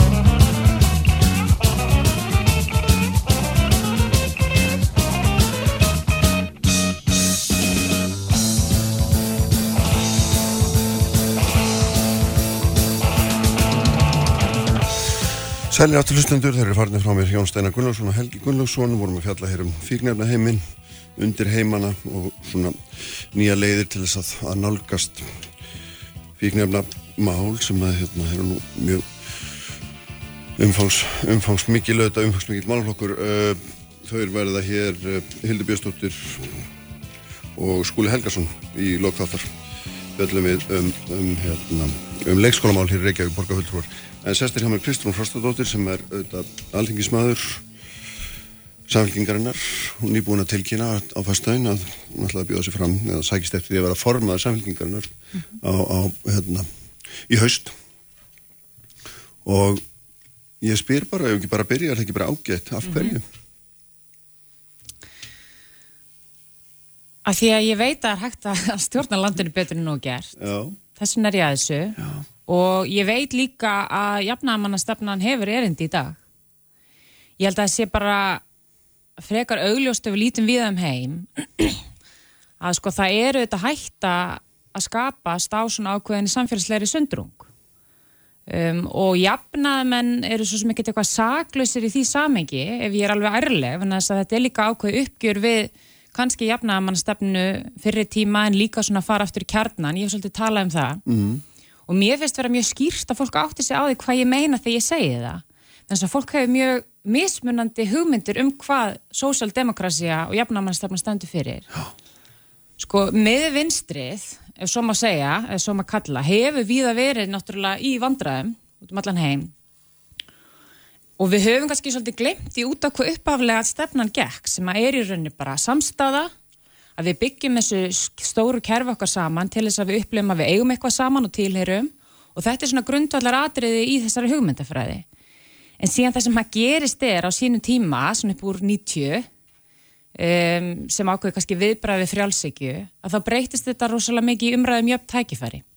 Að þú veist, við ætlum að vera með stefnu sem gerir þér kleift að rýsa mm og það, þetta er rosalega mikið bara beint í þínum höndum, frekar en endilega eitthvað samfélagsins höndum að rýsa en það var ekki kannski mikið rætt um hverju væru mótskilabóðin í því sem eru þau að þeir sem setja eftir mm -hmm. og ná ekki að rýsa upplif eins og það sé þeirra sög um, og þetta er mjög útlokandi í rauninni nálgun jafnæðastefnu sem að fleiri flokkar tóku upp, þetta er orðin svona grundvallar hugsun hjá bara mörgum flokkum til dæmis á Íslandi. Um, og að mínu mati og bara mati margra sem hafa svona verið að greina með vinstri rótað til dæmis ákveðinu populisma sem við sjáum mjög við á, ég menna horfið bara til að mynda til bandaríkjana mm -hmm. ég menna Kristján við erum auðvitað ekkert komin þangað og við munum aldrei fara þangað því að Íslands samfélag er öðruvísi. En þar snýst umræðanöllum elitur, skiluru frjálstenda elitan sem á allt og, og á fjölmillanna og, og er bara að, að stýra allir fyrir sjálfa sig og fólk upplifir stjórnmálamenn og fólk sem er í svona aðri stjættum eins og það sé ekki snertingu við veruleika vennilegs fólks. Og þess vegna held ég að það sé mjög mikilvægt að fara aftur í grunninn. En það, ég myndi segja það versta við það og ég kannski tengi mjög stert til það persónlega af því ég er svona ekta týpa sem bara hefur notið um eitt góðs og mikilvæg velgengni í mm. þessari retorík er að fólk sem að sko nýtu velgengni það upplifir í auknu mæli að það hefur komist þar sem það er 100% einu sjálfda og það sé ekkert endilega samfélagið bakvið sig. Og sko þetta er svona stóra myndin sem við erum að koma út úr. Svo lendum við náttúrulega í hruninu þar sem að frjálsíkjan svolítið fór í þrótt en við höfum ekki fundið fæturnar síðan einhvern veginn í nýri stefnu. Og erum svolítið í svona skringi pólitík mm -hmm. undanferðið tíu ár þar sem enginn átt að segja á því hvað stefna raunverulega er. Þannig að mín sín og eins og ég sé jafnæðstefnuna því ég tala um að fara aftur í kjarnan þá er ég auðvitað að tala um ákveðin stefnumál, skilur, stefnumál uh, jafnamanna sem ég getur farað eins yfir eftir. En ég er líka að tala um að fara bara í þessa grunn jafnamennsku sem er bara samábyrð, hvað við skuldum hvert öðru sem samfélag og að fólk líka sem nýtir, nýtur velgengni og fyrirtæki finnir til ábyrðar og þetta er auðvitað líka bara ef við förum beint yfir í Íslands samfélag bara auglustlega mjög mikilvægt í dag þegar við erum að sjá brest í svona stórum velferð og samfélagslegum kerfum að við tökum okkur saman og vinnum að þessu saman og finnum til ábyrðar að gera eitthvað í þessu. En hvaða, hvaða svona, ef við förum beintin í það, meina, hvaða málaflokka er þetta að tala um? Hvað er það sem að, hvernig, hvernig myndu, myndi almenningur finna fyrir því á eigin skinni að jafnaðamenn myndu leiða til dæmis ríkistjórn á Íslandi? Hvað myndi breytast? Sko, ef það væri raunverulega jafnaðamennska við stjórn hérna, og ég segir umverulega jafna mennska við þess að sko í svona aðdraðanda kostninga þá sjáum við oft svona jafna mennsku tón í mörgum íslenskon stjórnmáluflokkum skilur, það er svolítið skreitt sér með þeim tónum. En eins og, eins og ég sé það þá finnst mér eiginlega að hættulegst í dag er að sko og maður sko, mað finnur það alveg Kristján. Mm. ég, meni, ég er búin að fara og fundi út um allt land og tala um fólk, þetta er auðvitað bara byrjun á samtali En fólk á Íslandi er náttúrulega mjög samfélagslega þengjandi. Við erum með mjög góðan grunn fyrir þetta. Vandin er sá að pólitíkin og fóristan í pólitíkinu undan farin áratug, hún hefur ekki endurspegla þessa samstöðu. Og það sem að gerist þá og ástæðin fyrir því að þetta ásuna mikið við í dag og munurinn ef við værum með alveg jafnamannaflokku við völd, er að það er mikið verið að segja við fólk. Við erum að leggjast í breytingar, við ætlum að breyta húsnæðismarkan, við erum að endurskipulegja heilbríðskerfið. Svo gerist ekkert það er ekki verið að fjármagna þessar tillögur mm -hmm. og það grefur undan svona tiltrú fólks að við raunverulega getum þetta. Fólk er í auknum máli fyrir að spyrja sig, herðu, virka þessi kerfi okkar, til hvers er ég að borga skatta, akkur er ég að þessu? Og þetta er ekkert tilviljum, þetta er vegna þess að það er ákveðin stefna stunduð í fjármáraráðunitinu sem er byggð á einstaklingshyggju og er byggð á svona gamaldags hugsun og kannski einhver leiti vill einhver mm -hmm. svona skreita sig með svona jafnar að tækifæra jafnamennsku. Þannig að þú veist, alvöru jafnamennska í dag myndi fela í sér að við værum til að mynda með líka efnaðsmála stefnu sem bakkar upp þessi, þessa velferðamála stefnu og það eru þetta likil atriði fyrir okkur jafnamenn ef við ætlum að vera trúverðu í aðræðan mm. næstu kostninga er að við getum verið með trúverðut ansvar verið þeirri efnaðsmála pólitík sem er bara yfir gnæf alla pólitíkina í dag í ríkistjóninni og í rauninni koma í vekk fyrir alveg jafnamnamál mm. sem margir kjósa með er að komast í franga. Og, og hver væri þessi stefna, þessi trúverður og stefna sem að þú segir ábyggilega réttilega að þurfi sérstaklega í efnaðasmálunum en það er alveg ljóst að ekki, sérstaklega dómhara þegar maður segja að hérna, svona, jafnaðamenn hafa daldi tapað þeim debatt eða verið undir í honum eins og hún nefnir sístu tíu árin mm. og rúmlega það mm. alveg frá aldamótur sjálfsagt getur við sagt hva, hva, hver er þessi trúverða stefna sem að hérna, þú myndir setja fram sem ætti að vera ansvar við ríkjandi stefnu, sem að segja. Ég meina, grunnurinn auðvitað að því, eins og ég var að segja hérna alveg uppafi, er að fólk finnir til ábyrðar og upplifi breyðubökin til að mynda, að þau áttu sig á því að þau, sko, þau eru, af, eru afrækstur af samfélagsgerð sem gerða þeim kleift að rýsa. Samá við um stór fyrirtæki sem hagnast mikið í krafti mm. samfélagsgerðar sem gerða þeim kleift að hagnast mikið, átt að segja á að það er hópur af fólki sem mótaði þessa samfélagsgerð og það þarf að greiða inn í kerfin okkar. Við erum búin að sjá andstöfi það undarfæran ár. Á undarfæran fjórum mm -hmm. til fimm árum. Er þetta fallegt orðalega að maður þurfa að hækka skatta á þessum mest hafa? Það þarf klárlega að endur skoða skattkerfin okkar. Mm -hmm. Ég menna þetta er bara fullkomlega eðlilegt að sko heimurum breytist, þarfur okkar breytast. Það sem að skiptir fyrst og fremst máli er hvernig þeir eru byrðið dreift og hvað við skoðum í því samengi. Sko ef við, ef við pælum bara í eignaskiptingu, Kristján, sko, af því að það er svo margir sem að upplifa þetta sé svona neikvægt narrativ, sko, ég upplifa þetta ekki neikvægt, ég upplifi ymmit að úrraðaleysi í dag sé neikvægt, skilu, ég sé jákvæðni og lausnir í því að við stígum fram og kjósum sem samfélag taka á þessu. En ég meina, Thomas Piketty hefur talað mikið um egnaskiptingu í heiminu og margir sem segja, herru, hlutirnir er nú ekkert að vestna það mikið. Ok, það er nú kannski ekki stóra myndin á Íslandi, en hugsa maður sem hvað þeir hafa breyst lítið. Þú veist, árið 1997, það áttu efstu 10% 40% eignunum í landinu, í fyrra áttu þau 43%. Mm -hmm. Árið 1997 áttu neðstu 50% 6% af eignunum, í fyrra áttu þau 3%. Sko það er að valda ótrúlegum óróleika og óryggi hjá stórum hluta þjóðurinnar að koma inn í lífið með lítið sem ekkert í höndunum. Og við hljótum að velta fyrir okkur sem samstöðu samfélag, sem fólk sem vil lifa einna, veist, í þessu litla nána samfélagi, hvernig á því stendur að svona litla breytingar hafa til dæmis orðið í stöðu helmings þjóðurinnar. Og það þýðir ekki að allt sé slæmt og allt sé hræðilegt, ég menna það er frábært að búa á Íslandi En ég bara segi við, ég veit við getum gert betur, fólki veit við getum gert betur og þetta eru þetta bara pólitík. Þetta hefur skort pólitískan vilja til þess að ráðast í ákveðin verkefni. Mm -hmm. En meiri að Kristján, þá við tölum ekki um nýja skattstofna. Ég meina það er búið að lækka skatta hérna til að mynda undarfarin fjögur fimm ár. Markvist að búið að taka 40-50 miljardar út úr kerfinum okkar Fjármálaráð varaði við þessu, þetta er óháður aðili sem er að taka út ríkisfjármálinn og er að tala um að það er búið að taka alltaf mikið út úr kerfunum okkar án þess að útgjöld lækki þá á móti. Ég meina 50 millar þetta er langlegin í reksturinn á landsbytalan. Síðan snýr ríkistjórnin sig við og í úrraðleysi sínu segir fólk, herðu við erum að gera allt sem við getum, það er bara ekki hægt að gera þetta. Þannig að sko við getum alveg talað um eitthvað útfæslur og sköttum allt það. Mm -hmm. Það er mörgundru mann sem vinna í stjórnsíslinni sem geta reikna svona hluti út. Það sem ég er að tala um er bara er pólitísk stefna sem er á samábyrð og vilja fólks til þess að við tökum höndun saman og láta um kerfin okkar virka og þetta eru þetta ákveð ansvar við bara þessari neikvæðni og úræðilesi. Já, þú tala líka um það í, hérna, í ræðinu, en ég talaði um það í ræðinu að, þarna, að þér finnist þið ekki að hafa nátt til fólks jafnaða menn hefði ekki nátt til fólks en þetta stjórnmálastéttin í heilsinni, það var ekki nóg að hérna, að vera auðfullur af fróðleik og, og læriðu efni og skrifa greina heldur þetta menn að fara út og tala, þú ert búin að fara ringin í kringum þetta landi vissulega en þú kemur augljóslega samt úr hinu umhverfinu það er að segja úr menta umhverfinu mm -hmm. og, og hérna og því umhverfi sem að svona þú ert aðeins að gaggrína hérna fyrir að hérna, tala ekki tungumál fólk, mm -hmm. þú talar um skýra pólitík og þú ert aðeins að segja mig hvað, hvað, hvað er það, hvað, hvert er þetta að fara í þessu? Sko Ég held að það sé bara mjög mikilvægt ef að samfélkingin ætlar að ná vopnisunum á ný og verða breyður flokkur þá þurfum við að ná til breyðshóps fólks. Inn í því getur verið mentafólk með margar háskólagróðar eins og ég en líka bara fólk sem hefur unnið sig upp skilur hvort sem að það hefur farið mentavegin eða ekki.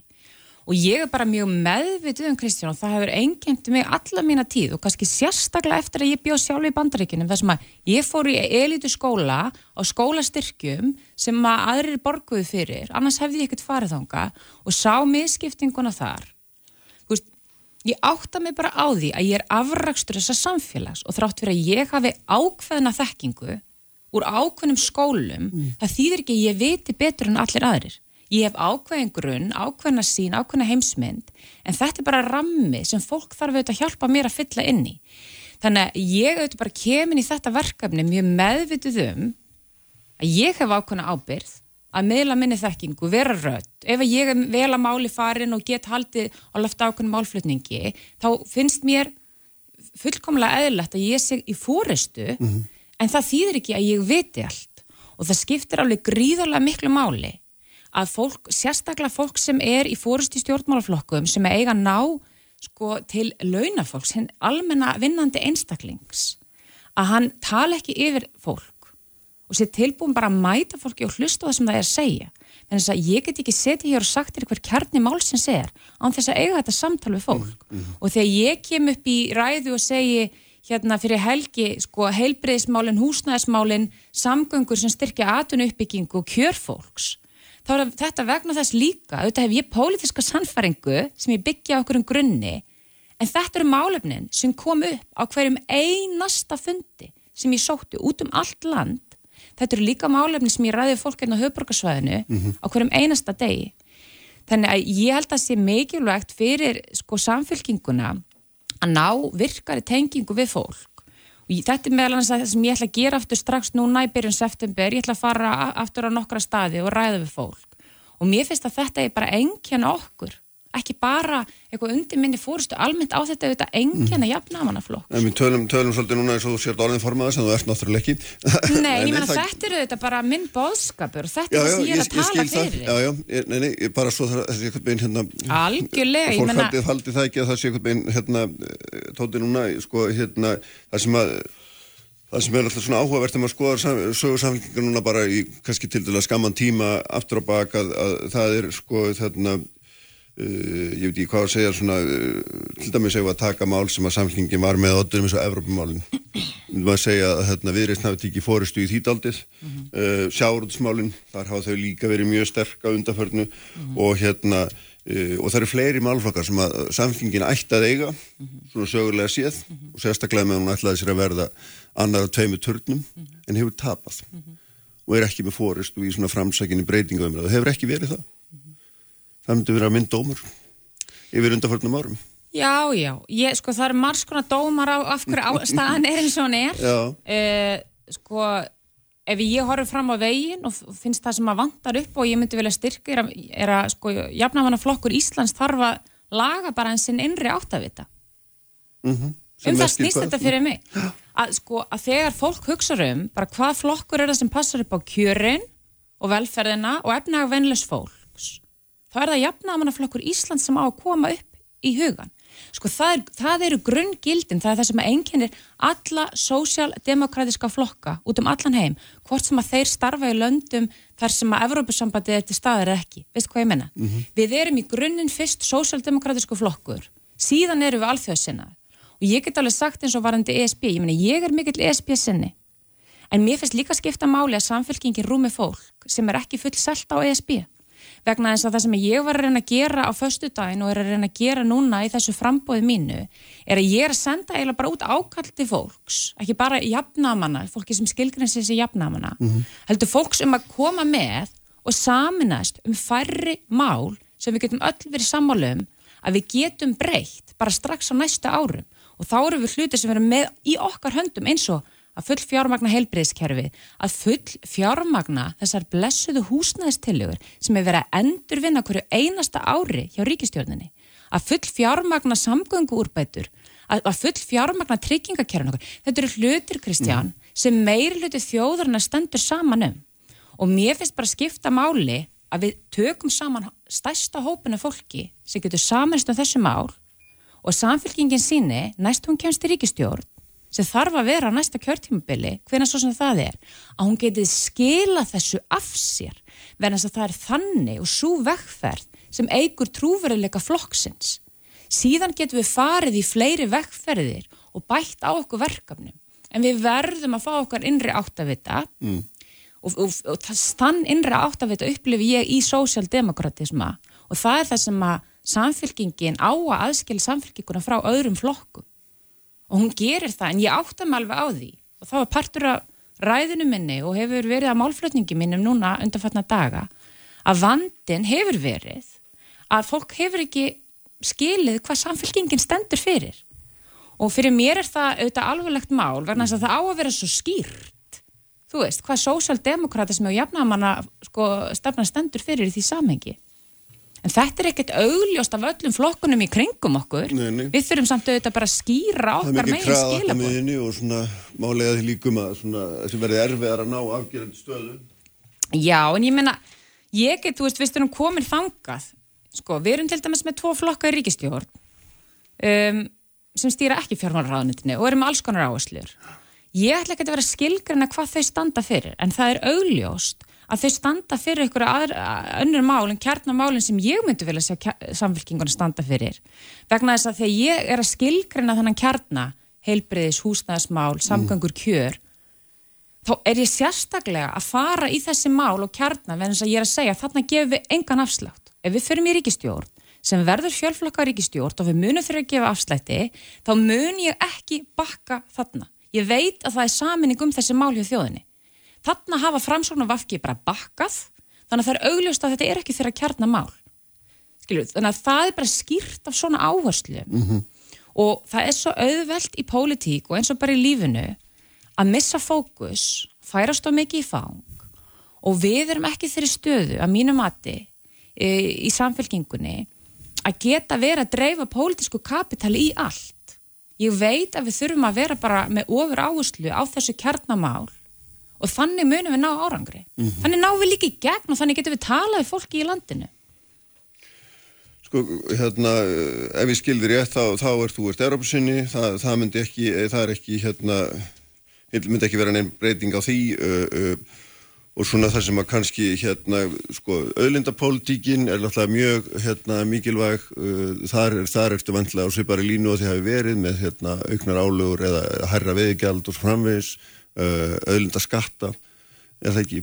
Menna, fyrir mér er þetta bara líka leiðir að markmið, þetta eru réttlætismál en þetta eru líka leiðramarkmiði, hvernig byggir þú gott samfélag, hvaða ábyrð eigum við að sína, ef við horfum bara á stærstu fyrirtækin hvort sem er í útgerðið í öðrum atvinnugreinum, veist, hvaða samfélagsmynd hefur skapað veist, vel, velsælt hjá þessum fyrirtækjum og gert að verkum að þau hafa risið? mm -hmm. og þannig eigum við í orðræðinni að tala frekar inn á ábyrð gagvart samfélaginu, alveg eins og þau erum að tala um breyðu bökin, þáttöku í að fjármagna hér stóru kerfin okkar. Og ég hef oft velt þessu upp til að mynda núna kannski aðdraðanda kjærasamninga og þessar spennu sem er líka á vinnumarkaði og, og ef við tökum atvinnulífið inn í þetta að sko mér finnst til dæmis ekki verið samhljómar um millið þess að tala niður velferðarkerfið og fjármögnun á því og það verið virkur þáttangandi í atvinnulífinu. Þannig að það liggur alveg fyrir að sko styrklegi, sérstaklega við horfum á lítil og meðalstór fyrirtæki fælst í því að starfa í kerfi þar sem þú hefur aðgang að hæfu fólki sem að hefur umönun fyrir börn og foreldra og, og fólk sem þarf aðstóði fjölskyldunni sinni og það er auðvitað bara algjörlega tapað mál að vera í rekstri á svæði þar sem að þú þarfst að mæta öllum daglegum vandraðum og, og kjörum fólk spennt úr launaumslæðinu. Mm -hmm. Þannig að partur af þessu er líka bara svona að senda út ákveðin saminningar og, og bara svona sam, samtaka tón inn í atvinnulífi að fólk átti sig á því að þetta er líka partur að það draga úr óráða vinnumarkaði þessi stefna sem hefur verið undan fyrir tíu ár að fullfjármagna ekki heilbriðskerfið, að draga úr badnabótum, vakstabótum, að hafa algjörlega mist boltan á húsnæðismálum. Þetta er að springa í andlitið okkur á vinnumarkaði og þetta eru þetta bara svona klassisk jafnamanna stefna um samábyrð, ábyrga hvort sam, samborgurum, en líka að skilja að þetta er bara þrýliða samband vinnumarkaðar, mm -hmm. atvinnureikunda og, og ríkisins. Þannig að þetta spilar þetta bara allt saman í en við verðum Kristján alltaf að fara aftur í kjarnan hver er kjarnin, það er þessi samábyrg og það er tónið sem þarf að heyrast. Nákvæmlega, hvað hérna, fórhættan að vita hvað, hvað er þetta búin að hugsa um þetta lengi? Uppbjöðaði fram. Síðan komst fyrst inn. Ég get ekki sagt það. Nei. þetta er búið að vera alveg ótrúlegt ferðalag. Ég held að sko ég veit ekki hvort einhver hefur getað teiknað þetta upp hérna fyrir einu og hálf ári síðan, ég mm. sæti hérna í dag það komu þetta margir máli við mig, þú veist, eftir síðustu alþingiskostningar, mér fannst það bísna brætt og mér, data, mér eiginlega dattaði ekki hug þá. En auðvitað veldi maður því fyrir sér þegar fólk leita til manns, hvort að maður hafi eitthvað í þetta. Það var partur af því að ég ákvað til að mynda að fara út og tala um fólk og sjá bara, herðu, er fólk að tengja við það sem ég er að segja, mm. skilji hvaðan fólk er að koma, en í alvarlegri íhugun, ég menna, svona ferli hefst ekkert fyrir bara þú veist, í sumar þegar það lág fyrir hvað hva logi var sjálfur að hugsa mm. og það var nú einhverju sem að sögðu við mig, sko, akkur komst ekki fyrir fram að hljómar þess að sé híka á þér þetta er náttúrulega bara að reysa stóra ákverðun, líka fyrir mig persónulega og ég held að það væri bara mjög sérstakt ef ég væri ekki aðeins híkandi, þú veist, það er bara mjög eðlilegt að maður síni að þegar maður mæti til leiks þá er maður mættur á alveru og maður sé ekki bara vað út í málinn, mm. þannig að Þú talar um sko í þessari ræðu sem við mittna til áður að það þurfi nýja tegunda fórustum. Mm -hmm. Látum það vera lokaðrið. Hvað þýðir þetta? Þetta er bara bein tilvittnun í þessa, í rauninni bara grunn jafnamanna stefnu sem að sérst ekki núna við stjórnvölinn. Það er að segja, þú veist, tegunda fórustu sem er saminningarafl og elur á samábyrð talar um okkur sem saminningu, mm. ekki hópa af einstaklingum eða hópa af sérstökum hópum. Forverðinum hafa mistekist við þetta? Í samfélkingu? Það er ekki mitt að leggja mat á. Ég er að horfa á landi eins og það likur í dag í stjórnmálunum, pólitíska landslæð. Mér finnst þetta líka að vera bara tækifæri fyrir okkur jafnamenn til að stíga inn og sína ef við eigum á hver erindi núna. En þetta snýst fyrst og fremst um að fórustan á Íslandi í landsmálunum endur spekli hugafar Íslandinga, þess að hún gerir það ekki. Man heyrir það bara af því hvernig fólk mm. hugsar. Ég menna, allt þetta fólk sem er íþróttafjölum og björgunarsveitum og ég menna, fólk ja. vill taka þátt í samfélaginu. Já, en endur speklast þetta ekki einhverju leiti líka í gegnum kostningar því þú þá hefur um einstu hósti val til þess að segja hvað þér finnst og hvernig þú vilt stegja og hvaða stefnu þér hugnast. Auðvitað gerir það þar og þess vegna er ég að hvetja okkur líka jafnaminn til þess að mm. horfa inn á við, fylgja okkur á bak við þennan bóðskap og að fara og virka tengslinn. Við verðum auðvitað að horfast í augu við okkar sögu undanfærin tíu ár og, og mér finnst alveg óþar að vera að fara í einhvers konar uppgjör. Ég vil bara að við leitum aftur í grunninn sem stoltaði hvað við fram að færa en við séum ekki ofstolt til þess að tala við fólk um hvað við erum að hugsa sko. Mm -hmm. Já, Mandi, við látum þetta hérna, látum svo lokið í bylli. Takk. Sjáum hvernig gengur. Takk fyrir að koma, Kristrún. Það er spennand að fylgjast með hérna í fyrsta leið, náttúrulega hvort það kemur einhver annar og hvernig hérna þetta, hvernig þetta spinnst allt saman áfram. En þau verða hérna hjá með Skúli Helgarsson og Hildur Björnstóttir sem eru auðvitað borgarfulltrúar. Við ætlum að ræða hér um mikið hitamál sem hefur verið í undarförnu sem eru leikskólamál í Reykjavík. Sprengisandur. Alla sunnudaga á bylgjunni. Alla sunnudaga á bylgjunni. Sælir aftur, hlustendur, uh, Kristrún Frastadóttir, uh, formarsambjöðandi Sælgingarinn farin frá mér, þau eru sest hérna borgarfjöldurhóðnir Skúli Helgarsson og Hildur Björnsdóttir, sæl og blessu bæðið tvö, velkomin. Sæl. Takk. Uh, við ætlum að þess að ræða þetta mál sem var nú hvað mest í deglunni síðustu viku hér hjá okkur sem eru þetta leikskólamálun í Reykjavík og, og svona til þess að opna það þá var náttúrulega auðlust að þarna hafði minn heldur lofað miklu, lofaðu fólki plassu í óbyðum húsum og hérna er nú sannlega hægt að segja að minn hafi lofað upp í ermin á sér og, og eiginlega svona fyrsta spurning skúli það er svona bara sem, sem borgari í búið Reykjavík það er maður allir hissa á því að hérna hvað þið viljast vita lítið. Hversu illa þarfin er eitthvað með einn skilgreind og svona upplýsingar þegar að byrja að vera að spyrja um þetta þá átti eftir að fá upplýsingar það var að sækja þær inn í einhver kerfi og var ekki að svara neinu. Og með svona þetta er mál sem er á hverju einasta ári og búið að vera í ára og tugi og þið vinnir með þetta á hverjum einasta degi. Og svona bara, okkur vitið þetta ekki? Já, ég held að þetta sé ekki raun og veru kjarni málsins. Kjarni Nei, málsins, en, en við veistum samt mikilvægt að þið hljótið að kortleggja þetta, þetta svið miklu betur.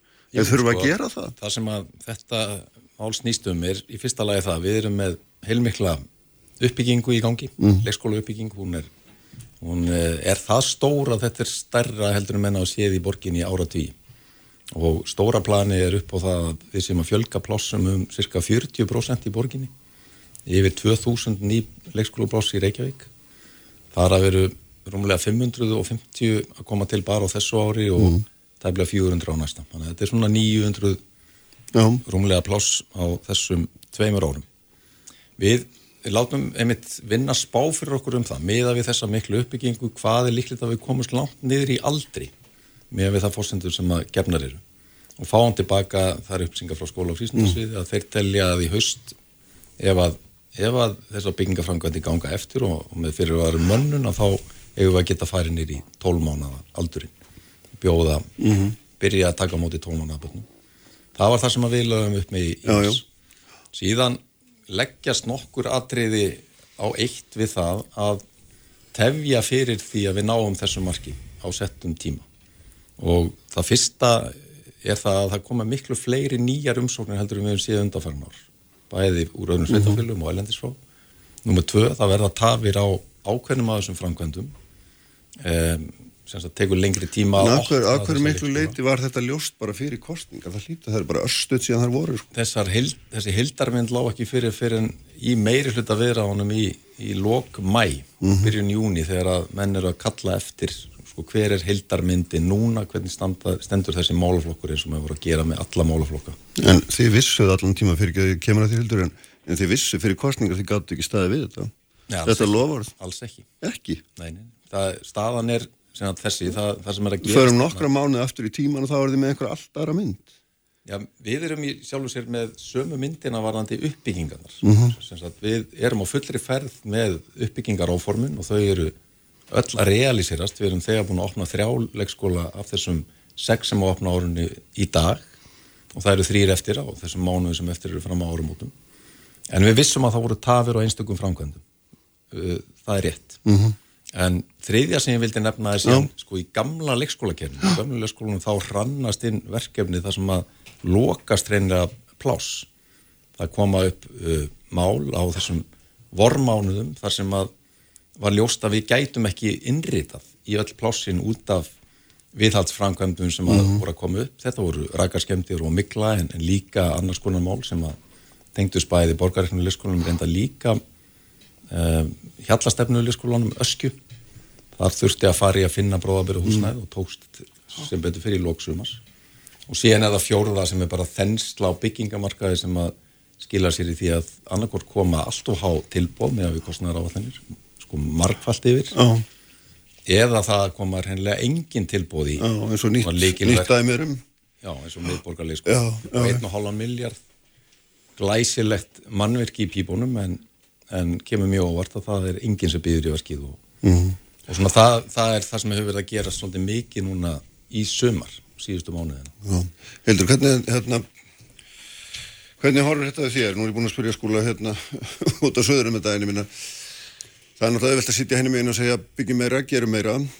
En það eru þetta líka lógiska skýringar eins og tregða á aðfangamarkaði. Það er hérna Já, ég kannski vil byrja á að taka boltan sem þú kastaður upphaflega á skúla sem varðar það hvers vegna liggja þess að tölur ekki alltaf fyrir og hvers vegna erum ekki með meira gegsa í því hvernig staðan er í bygglistamálum leikskólana uh, Í upphafi síðasta kjörtjömbils þá kölluðum við eftir upplýsingum um stöðuna á bygglistum á leikskólum borgarinnar og fengum þau svör tilbaka að það kostiði 600.000 krónur að aflaða þessar upplýsinga og hvort við vildum ekki bara afturkalla fyrirspörnina. E, skýringin sem að þar lág á baki var að það var eitthvað fyrirtæki út í bæ sem held á þessum gögnum og það þurfti að greiða þeim fyrir að útvega þessar upplýsingar. Það er auðvitað mjög sérkennilegt. E, nú eru um tvö ár síðan tæplega frá því að borgin ákvað í fjárasáallun að leggja 10 miljardar og þreymur árum í stafrana umbreytingu og þjónustu borgarinnar og maður myndi ætla að þetta væri nú eitt af fyrstu verkefnunum að búa bara til eitthvað stafrænt mælaborð yfir stöðuna í þessum leikskólamálum sem hafa reynst mjög þung og erfið. Þannig að við getum haft stöðuna svona svolítið fyrir framann okkur.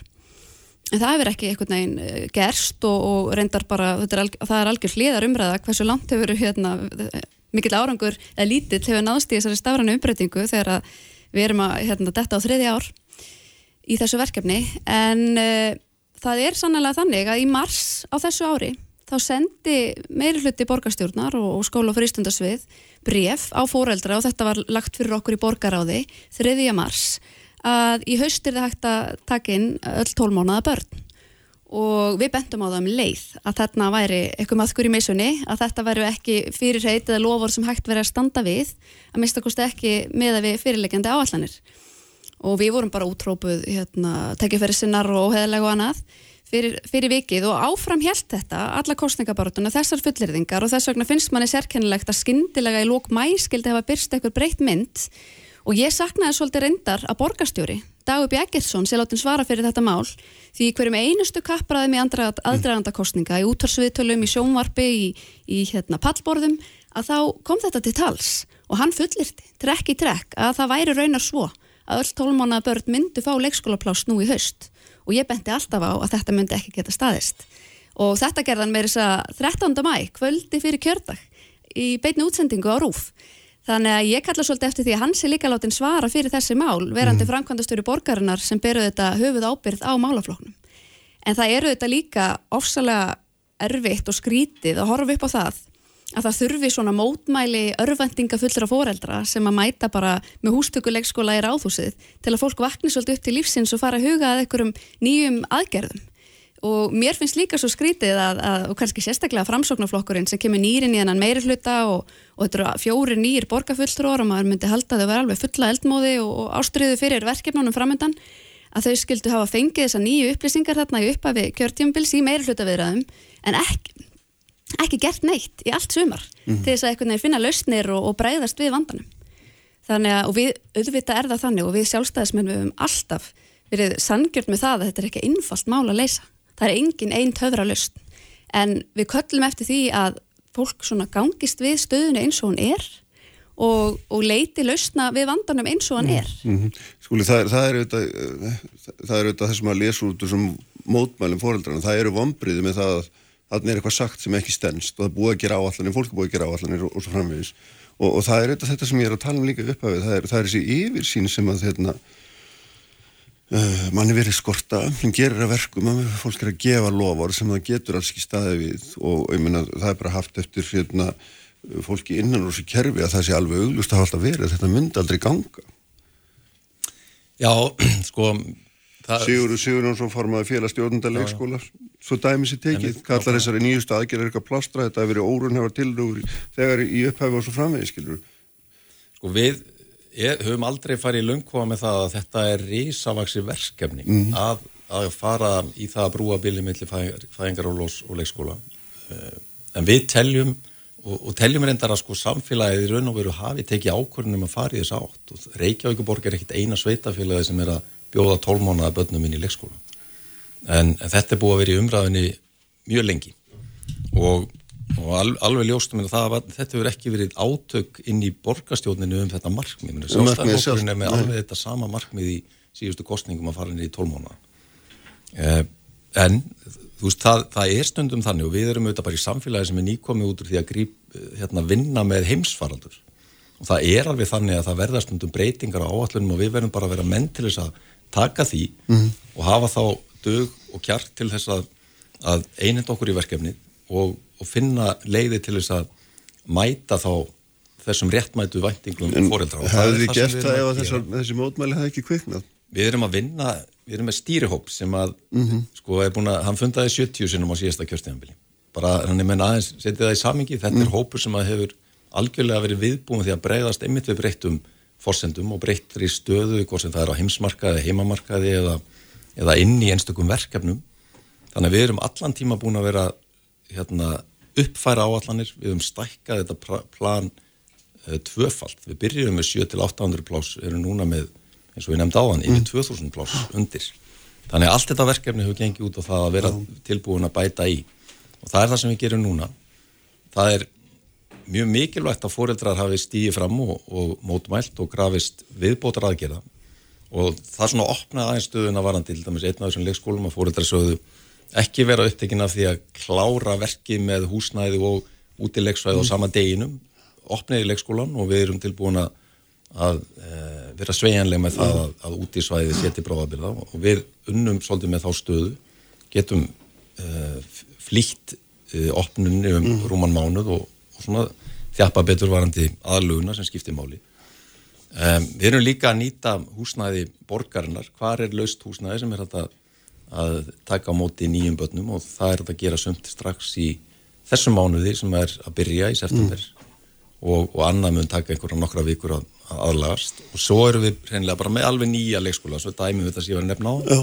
Við erum borginir að kaupa á ríkinu, eh, lóð í fósfóðinum, frábær staðu fyrir leikskóla stefnum að því að hann veri tilbúin um mitt næsta ár og annar við Þú ert óhundur við að nefna það er dagsningar þráttur allt sem að á undan hefur gengið. það, Við byggjum á því við erum með reynslu af þessum svo kvölduða ævintýraborgum sem er bara laust það sem við segjum, að því þú nefndir það er verið að, að hérna, lofa plássum í óbyða leikskóla en, en ævintýraborg er ekki leikskóla sem eru byggðir hér heima frá grunni þetta eru hús sem eru flutt inn, elendist frá. Já.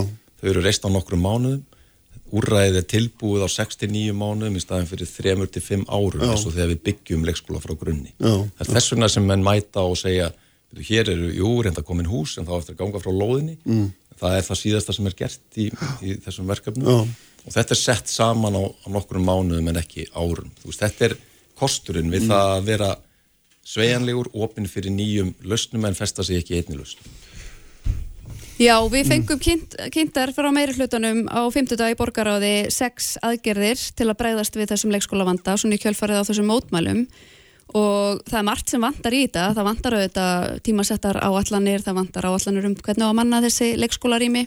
Svo er auðvitað eitt og annað sem er nú svolítið sérkennilegt að sjá. Fyrsta aðgerðin sem er nefnd er að flýta opnun leikskólaðan auðvöldsvegi og það vil svo ótrúlega tilvíl, tilvíljana kent að einmitt foreldrið sem að fer fyrir mótmálunum Kristín Tómasdóttir er að býða eftir leikskólaplási á þeim tiltekna leikskóla þannig að það er svolítið eins og að sé verið að reyna þakka neyri henni.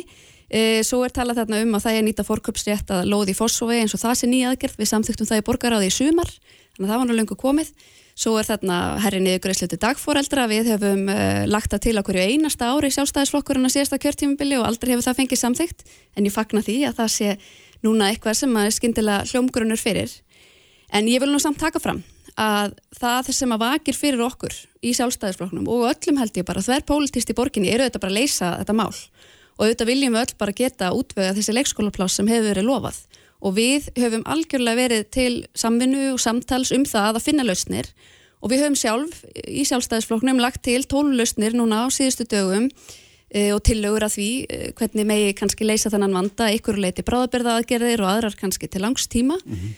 og ég bara fagna því að, að þeim hefur verið tekið ágætlega af meiri hlutanum þar hafa svo sem ekki fengið afgreðslu en þær eru farnar inn í ákveðna vinnu og, og fá þar umfjöllun.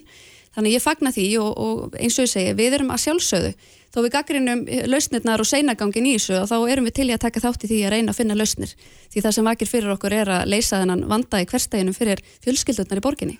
En það sem við vitum auðvitað og það er ekki bara frá því marseldur lungu fyrir við vitum auðvitað það er, hérna, það er tröflanir á áfengakæðjum, við, við þekkjum þetta allt saman í, í efnarslífunum, við vitum að það er stríð í Úgrænu og við vitum að þetta er margvíslegar afleggingar og við vitum að það er hérna Við vitum alveg hvernig vinnumarkaðurinn á Íslandi er, við vitum hvað eru mörg verktakafyrirtæki, við vitum hvað er ráða við, við vitum að samgöngur á þeirra, neða innviðar á þeirra bóðar að við hefum að byggja 3000 nýjar íbúður á árið eða hvaða nú er sem hann bóðaði nýjast, veist, og svo stendur borgin og segir við skulum gera þetta og þetta. Og það, veist, ætli, er, það er alltaf verið að bítast um sömu hendurnar.